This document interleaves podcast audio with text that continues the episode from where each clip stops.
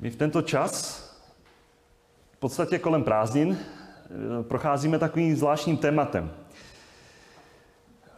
Pokračování, dnes bude v Prahe takovéto pokračování, kdy procházíme a zamýšlíme, přemýšlíme nad božími smlouvami s člověkem.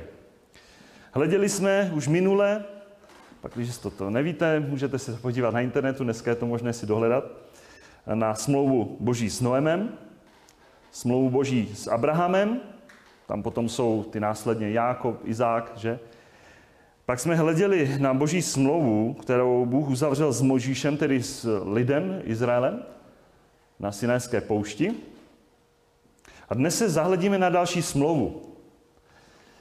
Teď otázka, přemýšlím, jestli dát řečnickou otázku nebo přímou otázku, protože možná by nás napadly některé jiné smlouvy. Máme před sebou určitě Davidovskou smlouvu a pak určitě novou smlouvu, ale ještě mezi tím je jedna smlouva. A je to takový, takový rebus. Ten rebus hned odpovím, je to kněžská smlouva. Kněžská smlouva, nebo jinými slovy, smlouva, boží smlouva s kněžími. Já bych spolu s vámi chtěl otevřít text božího slova, že si pouze nevymýšlím, ale je to jasně daný. Numery, 25. kapitolu a budeme číst od 10. do konce té kapitoly, tedy numery 25. kapitola a budeme číst od 10. verše.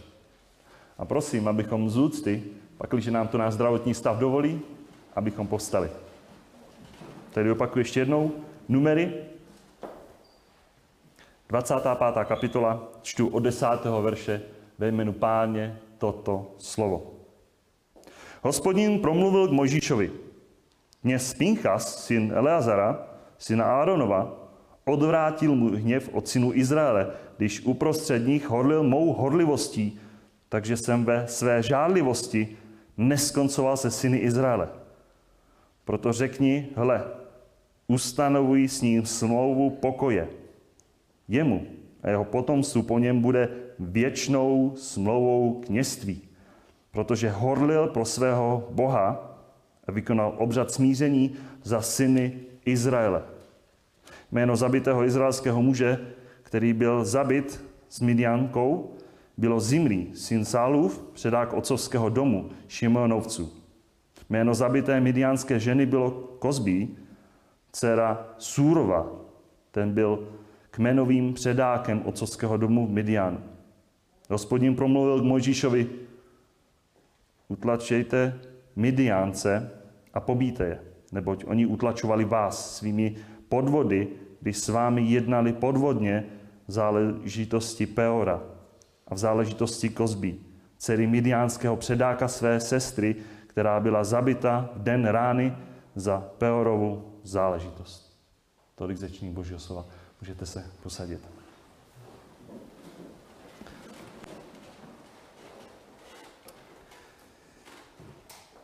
Když přemýšlíme o té kněžské smlouvě, tak možná, jak jste si všimli, že se v podstatě tato smlouva, kterou jsme četli, skoro vypadá, jako kdyby byla součástí té boží smlouvy, kterou Bůh zavřel s Možíšem, že? S lidem na Sinajské poušti. Vždyť tam byly taky součástí té smlouvy kněží, Oni měli sloužit hospodinu. Je to tak, nebo to tak není? Na to se podíváme. Víte, věřím, že si uvědomujeme, a jestli si vzpomínáte, už minule jsem se krátce o tom zmínil při přecházení toho, té boží smlouvy s Mojžíšem, vůbec jeho lidem. Ano, původním božím záměrem bylo, aby celý jeho lid, který má v ten daný čas přistoupit na tu horu, aby byl královstvím kněstem. Aby každý sám za sebe mohl přijít k hospodinu. A my tam čteme právě v té Exodu 19. kapitole, kterou jsme lehce jenom začali minule, můžeme si to dočíst doma, kdy lid se měl očišťovat, posvěcovat a v ten daný čas měl vystoupit nahoru. Ale lid ze strachu zvolil pouze zástupce Mojžíše, aby se stal takovým tím prostředníkem mezi nimi a samotným svatým Bohem. A proto víme, že vlastně i na základě toho hospodin ustanovil kněží levického rodu konkrétně, a je pak oddělil konkrétně, aby sloužili Bohu. Víte, vždycky je dobré si se ptát, vlastně, co obnášela taková služba kněží podle Možíšova zákona, že? Oni byli těmi, kteří ochraňovali stánek, smlouvy, pomáhali v chrámu jako pomocníci. Oni byli těmi, kteří pečovali o nádoby. Vůbec to zařízení schrány, vůbec stánku, celé osochory, osloupy se snaž, starali, o desky.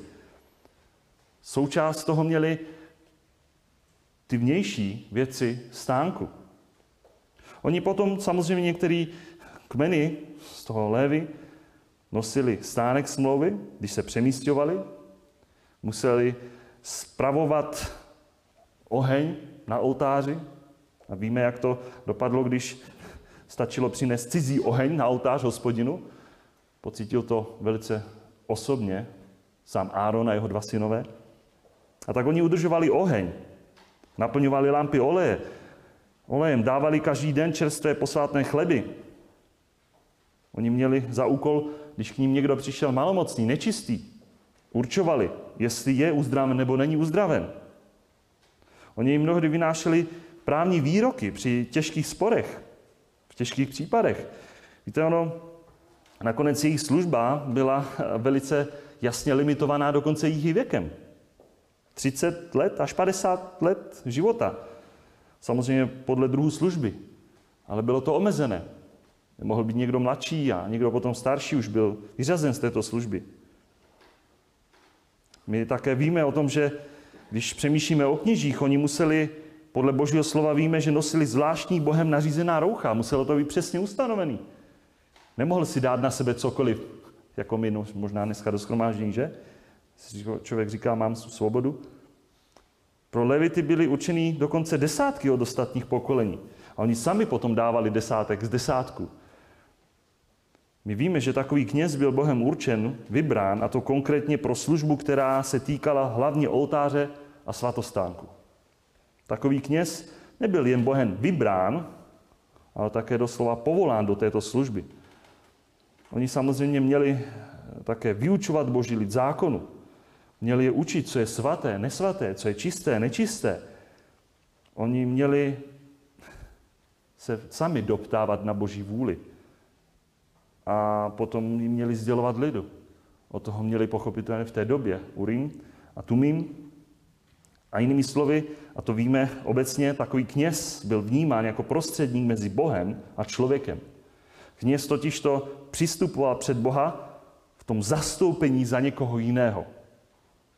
Když kněz přinášel oběti, tak je přinášel jak sám za sebe, aby Bůh ho nezničil na místě, ale také za toho druhého, že?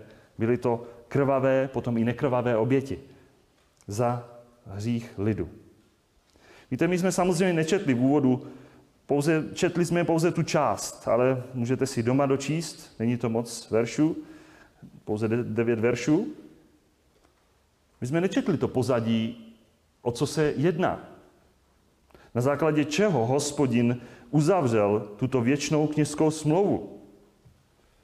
Ale my víme, že ji uzavřel s jedním mužem. Pinchasem, synem Eleazara, syna Áronova a na základě jeho činu. Tedy, jaký byl kontext této boží věčné smlouvy s kněžími? Tu událost právě, jak jsem řekl, čteme těch prvních devět veršů. A v tomto textu nacházíme uh, jenom pro takové obecné, aby jsme si uvedli myšlenky, kde jsme.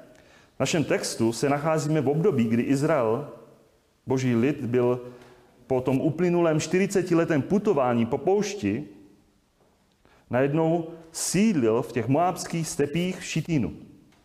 Na druhé straně Jordánu naproti Jerichu. A to už by nám mělo svitnout, znáci božího slova, jestliže boží lid byl naproti Jerichu, tak to bylo právě před vstupem do zaslíbené země.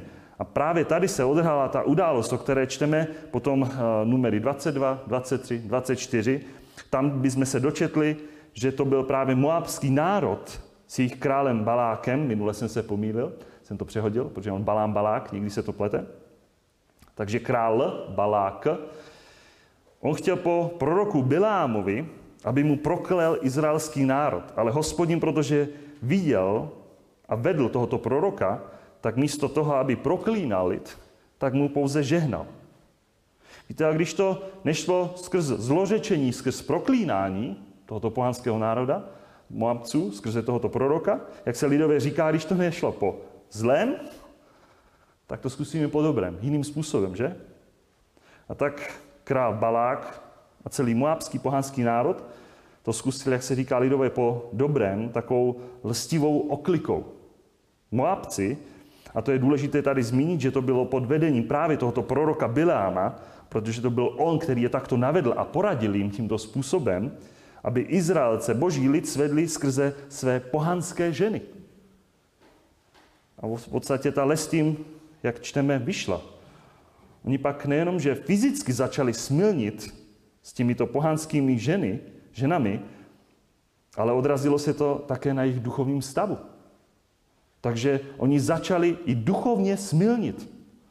Čteme, že boží izraelský národ, ten, kterému Bůh se dal poznat, ten, který ho vysvobodil z toho otroctví egyptského, prošli rudým mořem, viděli všechny ty zázraky.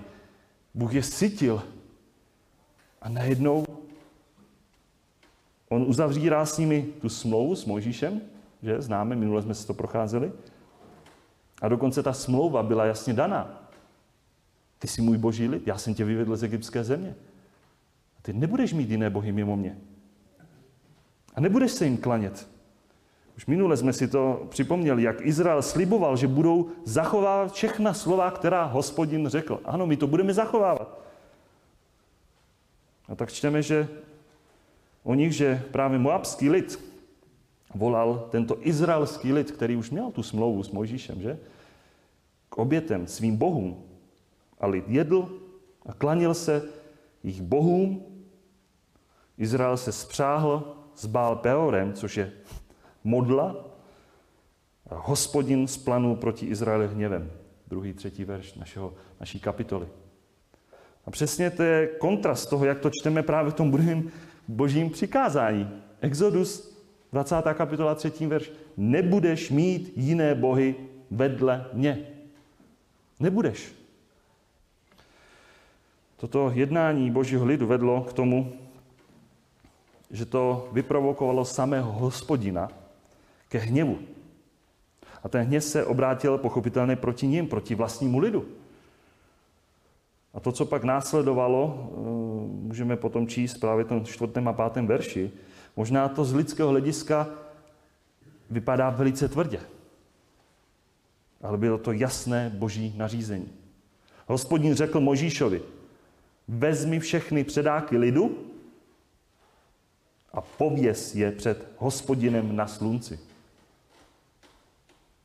Jinými slovy, oběs je, pověs je. Aby se Izrael, Izraelice, aby se od Izraele odvrátil hospodinův planoucí hněv. Moží řekl izraelským soudcům, zabíte každý ty své muže, kteří se spřáhli s Bál Peorem. Jinými slovy, ty, kteří jsou s těmi moabskými bohy, ty ze svých bratrů zabíte. Za tento hřích byl jednoznačně boží soud smrt. To byla jistá smrt za jejich přímou neposlušnost, za přímé odvrácení se od jediného a pravého živého Boha. K těm mrtvým modlám, které možná měli oči, ale neviděli, měli uši, ale neslyšeli. Víte, a v této situaci přišel jeden Izraelita. Dokonce jeho jméno jsme četli v našem textu. Byl to Zimri, Izraelita, syn Salův, předák otcovského domu Šimenovců z pokolení Šimeona. A právě ten si přivedl dokonce přímo před očima svých bratrů, dokonce čteme přímo před očima samotného Mojžíše, ženu, Midiánku, pohanku. A o ní také konkrétně víme. Jsme to četli, že to byla žena jménem Kozbí, dcera Surova, a ten byl kmenovým předákem otcovského domu v Midianu. Jinými slovy, oba měli v tu dobu velice dobré postavení společenské postavení ve svých daných domech. A bylo to jakoby naprosto, tento muž, Zimrý, se naprosto vysmíval hospodinu. Hospodinu Bohu, protože zatímco jedni plakali o vchodu do stanu, setkání, protože měli zabít ty předáky za jejich duchovní smilstvo, tak tady jeden muž, Izraelita, jde s touto pohankou před jejich zraky a nemá problém i fyzicky smilnit. Tady je právě jeden předák, jeden z těch před jejich zraky přiváděl si Midianku, tu pohanskou ženu. Uvědomte si, jeden předák, který měl být zabit. A tak čteme, když to uviděl kněz Pinchas, syn Elezara, syna Anonova, vzal zprostřed pospolitosti oštěp, šel za tím Izraelcem, za tím zimným, do ženské části stanu a oba je probodl. Toho Izraelce i tu ženu až do jejich břicha.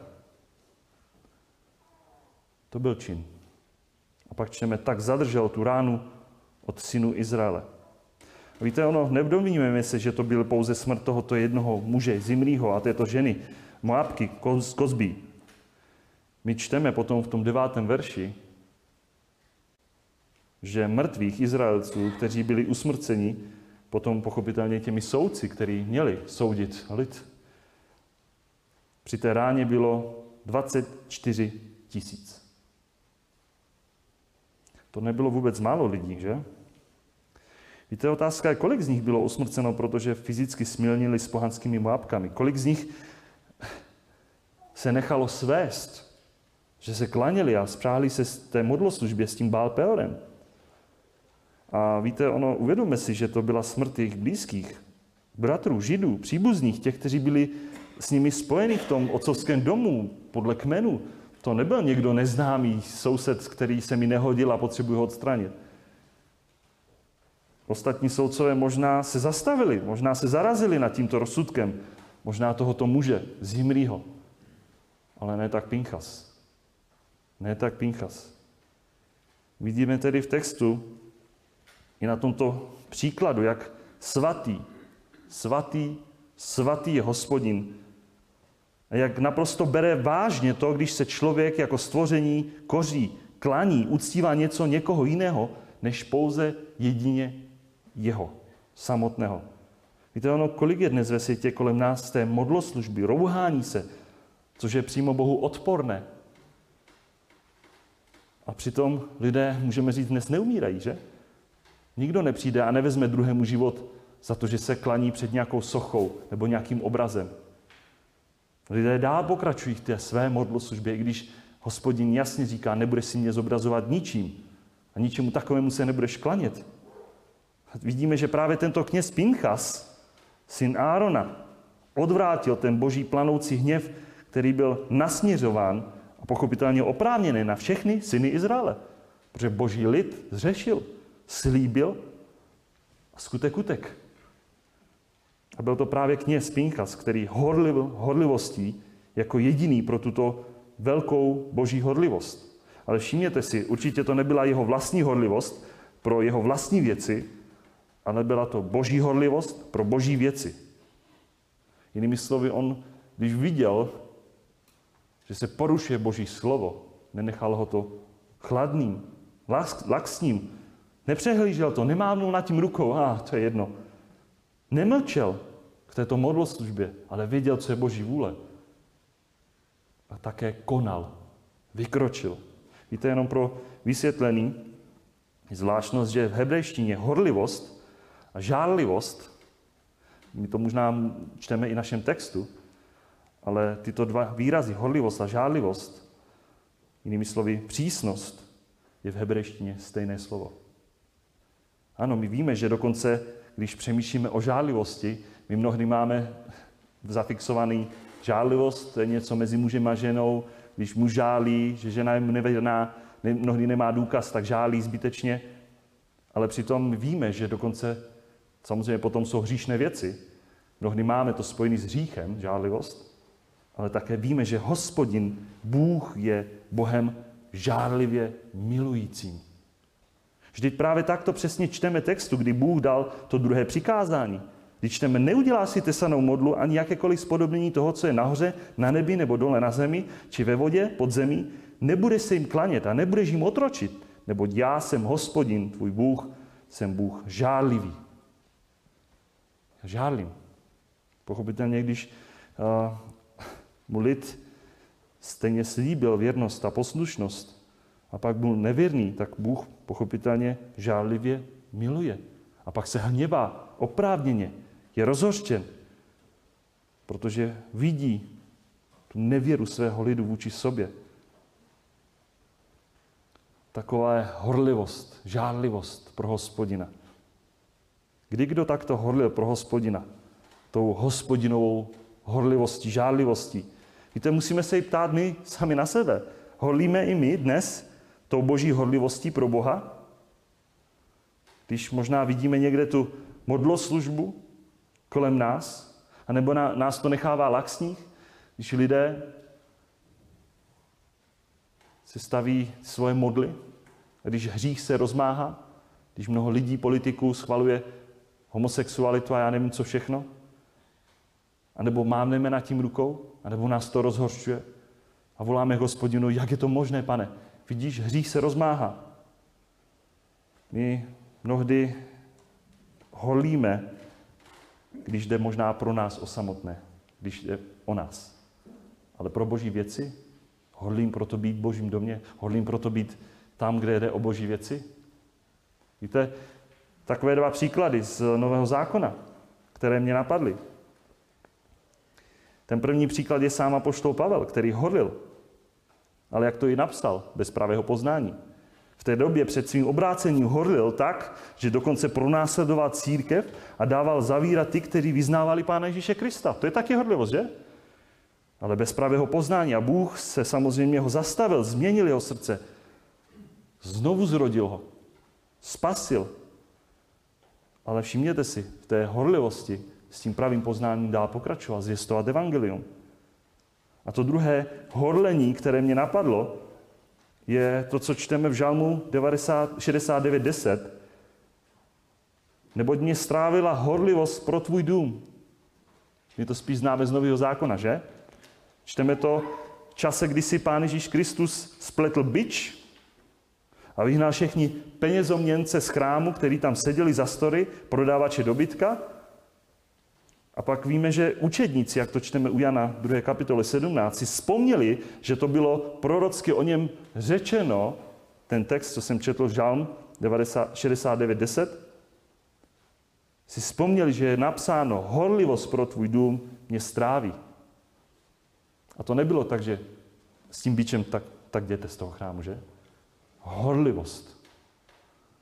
Horlivost pro tvůj dům. Nebylo to že by byl někdo laxní. Ať už Pán Ježíš Kristus, nebo i sám Apoštol Pavel. Když tedy jde o nás samotné, tak možná horlíme. Ale když jde o boží věci, jak jsme na tom? Neukazujeme i my tím, na co konkrétně, na koho s tím naším horlením, co je a kdo je pro nás tím důležitějším? Všimněte si, na koho ukazoval tento kněz Píncha s tímto svým konkrétním konáním. Ano, my víme, že už v předešlé boží smlouvě s Mojžíšem Bůh stanovil, že, že to budou kněží, levité, levického rodu, že budou sloužit hospodinu v jeho domu, v jeho stanu. A oni samozřejmě měli nařízení, aby se posvěcovali, očišťovali, aby sloužili při těch službách, přinášeli ty krvavé oběti. Kněží samozřejmě povětšinou přinášeli, ano, ty krvavé oběti. Ale jak to tedy bylo?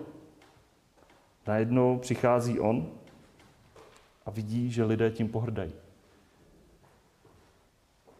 Tak je velice zvláštní, že, že tato smrt hříšného Izraelce Zimlího a té Moábky Kobzí byla také paradoxně krvavá oběť, že? Tato oběť byla taky krvavou obětí. A tou obětí byl sám člověk, který dokonce sám za svůj hřích byl obětován svou vlastní krví. Samozřejmě my nikde v božím slově nečteme, že Bůh by schvaloval smrt v tom smyslu jako oběť, ale Pinchas je oba probodl sám kopím. A v tomto smyslu sám kněz vykonal ten jednoznačný a definitivní boží soud nad jejich hříchem. A tak vidíme, že tato smlouva, kterou Bůh ustanovil a uzavřel skrze tohoto muže Pinchase, tak tato smlouva, jestli jste si všimli, jak jsme to četli, tak to byla smlouva pokoje. Berit shalom. To je ten shalom, pokoj. Smlouva pokoje. Víte, o takové smlouvě pokoje čteme i na jiných místech, i když na jiných místech nečteme, že by to byly věčné smlouvy, ale právě o této kněžské smlouvě vnímejte, byla věčná smlouva. Třeba Izajáš 54.10. Neboť hory mohou ustoupit a kopce se otřást, ale mé milosedenství o tebe neustoupí a má smlouva pokoje se neotřese. Praví tvůj slitovník hospodin. Nebo Ezechiel 34.25. Uzavřu s nimi smlouvu pokoje a odklidím ze země divou zvěř.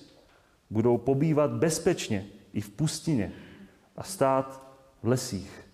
Náznak toho, co znamená ta smlouva pokoje. A nebo Ezechiel 37.26. Uzavřu s nimi smlouvu pokoje. Bude to věčná smlouva s nimi. Obdařím je, rozmnožím je a ustanovím, ustanovím uprostřed nich na věky svou svatyni. A jak určitě jste si všimli, tak v této smlouvě patřilo i to, nejenom, že to byla smlouva pokoje, ale k této smlouvě patřilo i to, že tady šlo o věčné kněžství pro tohoto muže a pro jeho potomky. Tak jsme to četli v tom 13. verši. Jemu a jeho potomstvu po něm bude věčnou smlouvou kněžství. Ano, a tato Pinchasová kněžská rodina, rodinná linie, my víme, že bude pokračovat právě prostřednictvím dalšího muže z toho pokolení, a to konkrétně Sádoka, jak to máme potom zapsané v těch rodopisech, první paralipomenom 6. kapitola od 29. verše do toho 40. kdy tam máme ten rodokmen Árona a dál to pokračuje, samozřejmě tam i Pinchas a potom je tam Sádok. A přesně toto potvrzení máme potom i, čteme u Ezechiele, kdy víme, na co Ezechiel o čem prorokoval, že právě v tisíciletém chrámu budou jedními z těch kněží, který budou sloužit. Právě Sádokova linie. A ne jední z. Jediný. Ezechiel 44.15. Avšak levišti kněží, synové Sádokovi, kteří konali službu mé svatyně, když ode mě synové Izraele zbloudili, ty se ke mně budou přibližovat aby mi sloužili, budou stát přede mnou, aby mi přinášeli tuk a krev je výrok panovníka hospodina. A další text je Ezechiel 48, 10. 11. verš. Uprostřed něj bude hospodinova svatyně. Bude pro kněze ty posvěcené ze synů Sádokových, kteří konali mou službu, kteří nezbloudili, když zbloudili synové Izraele, tak jako bloudili lévíci. To jsou všechno přesně ty odvolávky, tyto texty, co jsem četl, Ezechiel 44.15, Ezechiel 48, oba texty jasně ukazují na to, že synové Izraele zbludili od hospodina. A kdy? No přesně to, co jsme četli. Opět je to narážka na to numery 25. kapitola. A právě toto ti kněží, kteří budou Sádokovi, budou konat kněžskou službu a který budou možná i leviský kněží, ale nebudou Sádokovi, jinými slovy, nebudou moci konat kněžskou službu. Jak to potom čteme Ezechiel 5, 44.10. Pokud jde totiž o levice, kteří se ode mě vzdálili, a to byli ty ostatní, žel, když Izrael zbloudil, kteří ode mě zbloudili za svými bůžky, ti ponesou svou zvrácenost. A byli tak, ano, některý kněží levici se skutečně od Boha zdálili, i když byli kněžími. Ale vzdálili se, proto pouze ti, kteří jsou a budou z linie Sádoka, budou hospodinu Bohu sloužit v chrámu, v miléniu. Věřím, že vidíme, že tato trvalost té kněžské služby, smlouvy, naznačuje, že stojí naprosto samostatně a není naprosto ve sloučení, součástí té Možíšovy smlouvy. Protože ta Možíšová smlouva, jestli si vzpomínáte, byla dočasná. A nahradila ji nová smlouva v Pánu Ježíši Kristu. A vidíme to právě v těch důvodů. A ano, i když terminologie v božím slovu a vůbec v těch smlouvách je dost podobná, stejně i tato podobnost, ať už jsme procházeli Noémovu smlouvu, nebo s Noémem, s Abrahamem, budeme procházet i Davidovu smlouvu. Ten jazyk hospodina je dost podobný i s touto smlouvou kněství.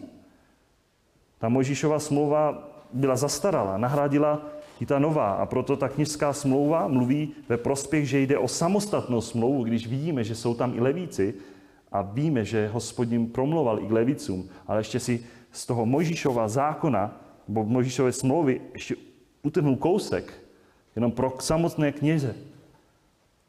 A ta smlouva, kterou slíbil, dal hospodin knězi Pinchasovi, proto pokračuje. A bude pokračovat, jak jsem říkal, až do tisíciletého království. A víte, když bychom se ještě zahleděli do proroka Jeremiáše, 33. kapitoly, tak je tam velice zvláštní, Jeremiáš 33. kapitola, od 19. až do 22. verše, a já to budu číst, tak je tam velice zvláštní, že Bůh staví bok po boku tu trvalost a vytrvalost a věčnost, jak tu Davidovu smlouvu, jsme ještě neprocházeli, ale je tady Davidova smlouva, a vedle ní staví naprosto vytrvalostí a trvalostí taky tu kněžskou smlouvu. A do kdy? Do doby, kdy bude trvat cyklus dne a noci. Den a noc, opět odvolávka na Noémovu smlouvu. Že bude žár, den a noc, sedba, žeň. Rozumíme, jak se to krásně propojuje jedno s tím druhým, jak je to návaznosti, ta smlouva jedna s druhou. Jeremiáš, 33. kapitola. Proto se stalo Jeremiášovi hospodinovo slovo. Toto praví hospodin. Jestliže budete moci zrušit mou smlouvu se dnem a nocí a smlouvu s nocí, takže den a noc nebude ve svůj čas, pak bude zrušena také má smlouva s mým otrokem Davidem, že bude mít syna, který by královal na jeho trůnu a s levískými kněžími, to je přesně ono, mými služebníky. Jak nemohou být spočítány nebeské zástupy a nemůže být změřen mořský písek, tak rozmnožím potomstvo Davida, svého otroka a levíce, kteří mi slouží. To znamená, že všechny budoucí legitimní kněží, můžeme říct velekněží, budou pocházet jedině z této linie. Jak to potom čteme potvrzené v žalmu 106, kde máme opět zopakované, co učinil lid vůči Bohu a pak co činil Pinchas. Takže se spráhli s Bápeorem, jedli obětě mrtvých. Či, svými činy ho popouzeli k hněvu a dopadla na ně rána. I postal Pinchas, vykonal soud a rána byla zastavena. Bylo mu to přičteno k spra- spravedlnosti od pokolení do pokolení až na věky kde je dost podobné, je zvláštní, že v tom žálmu 106, ten 28. až 31. verš, je dost podobné, jako kdyby jsme četli o Abrahamovi.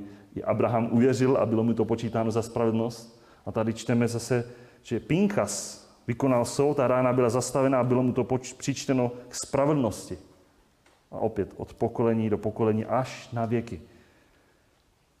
Já věřím, že jste si určitě všimli, že my vlastně vůbec nikde nečteme, když jsme procházeli ty jednotlivé smlouvy, ať už Noého, Abrahama, Možíše, tak u každé smlouvy vždycky byla nějaká, nějaké znamení. Ať už duha, obřízka, sobota. Je to zvláštní, ale vůbec nikde tady nečteme, jaké konkrétní znamení této boží smlouvu je s těmito kněžími.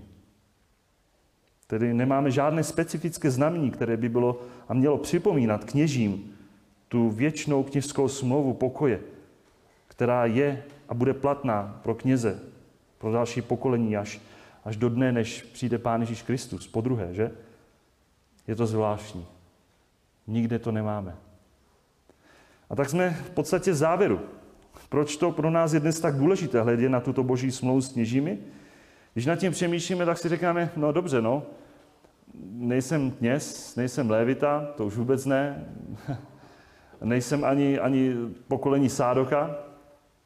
My samozřejmě nikdo z nás nejsme, pokud tedy vím, někdo z pokolení Levyho, nebo jestli je někdo, přihlašte se, nejsme ani židovského původu. Nikdo z nás tedy v tomto smyslu nebudeme určitě sloužit jako kněží v božím domě v miléniu.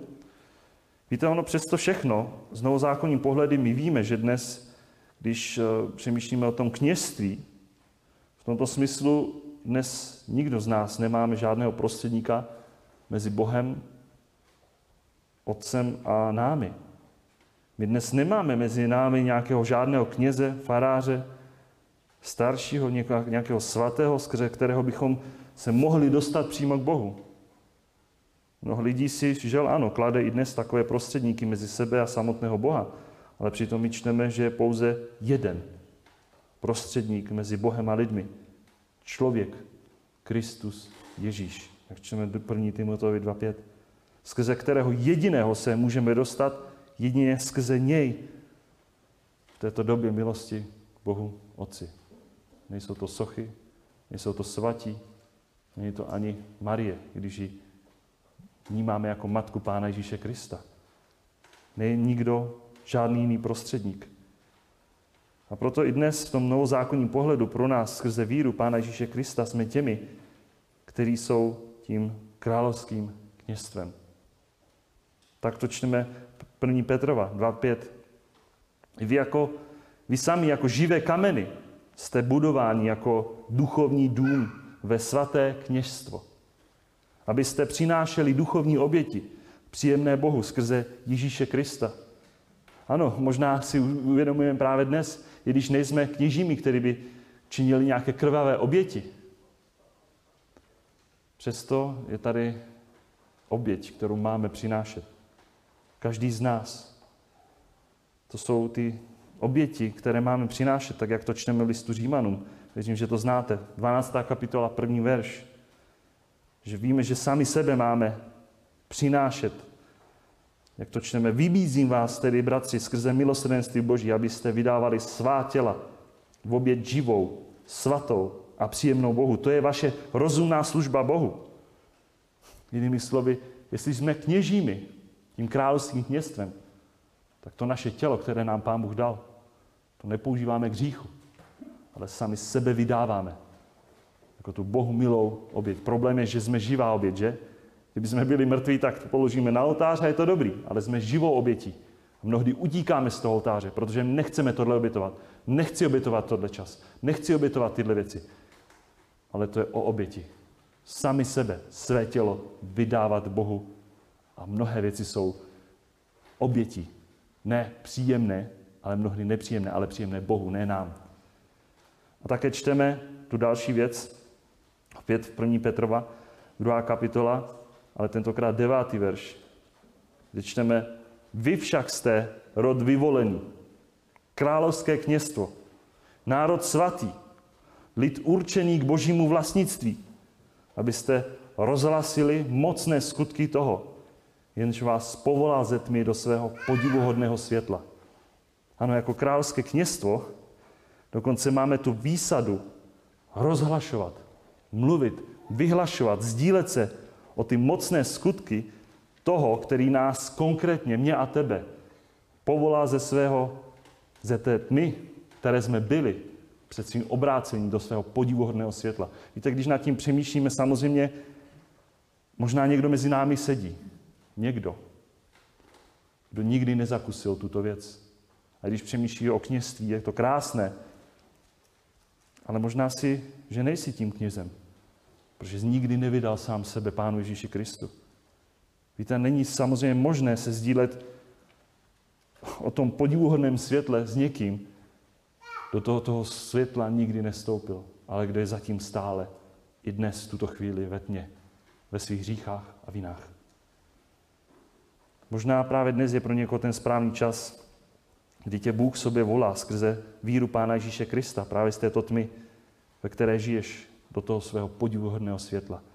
Aby si nebyl vlažným, laxním člověkem, ale aby si byl tím, kdo je horlivý, kdo je následovník Pána Ježíše Krista. A pouze v Pánu Ježíši Kristu můžeš toto prožívat. Stejně jako Pinchas měl zaslíbení smlouvu pokoje, tak ty můžeš prožívat pouze v Pánu Ježíši Kristu. Ten pokoj, který nedává svět. Úžasná věc. A proto je to přesně i obraz. Když nejsme začlenění v té smlouvě s kněžími, přesto máme tu milost, že můžeme být královským městem. Vydávat se aby sebe, aby tím hlasateli, kazateli. To není o tom jenom, že já tady stojím.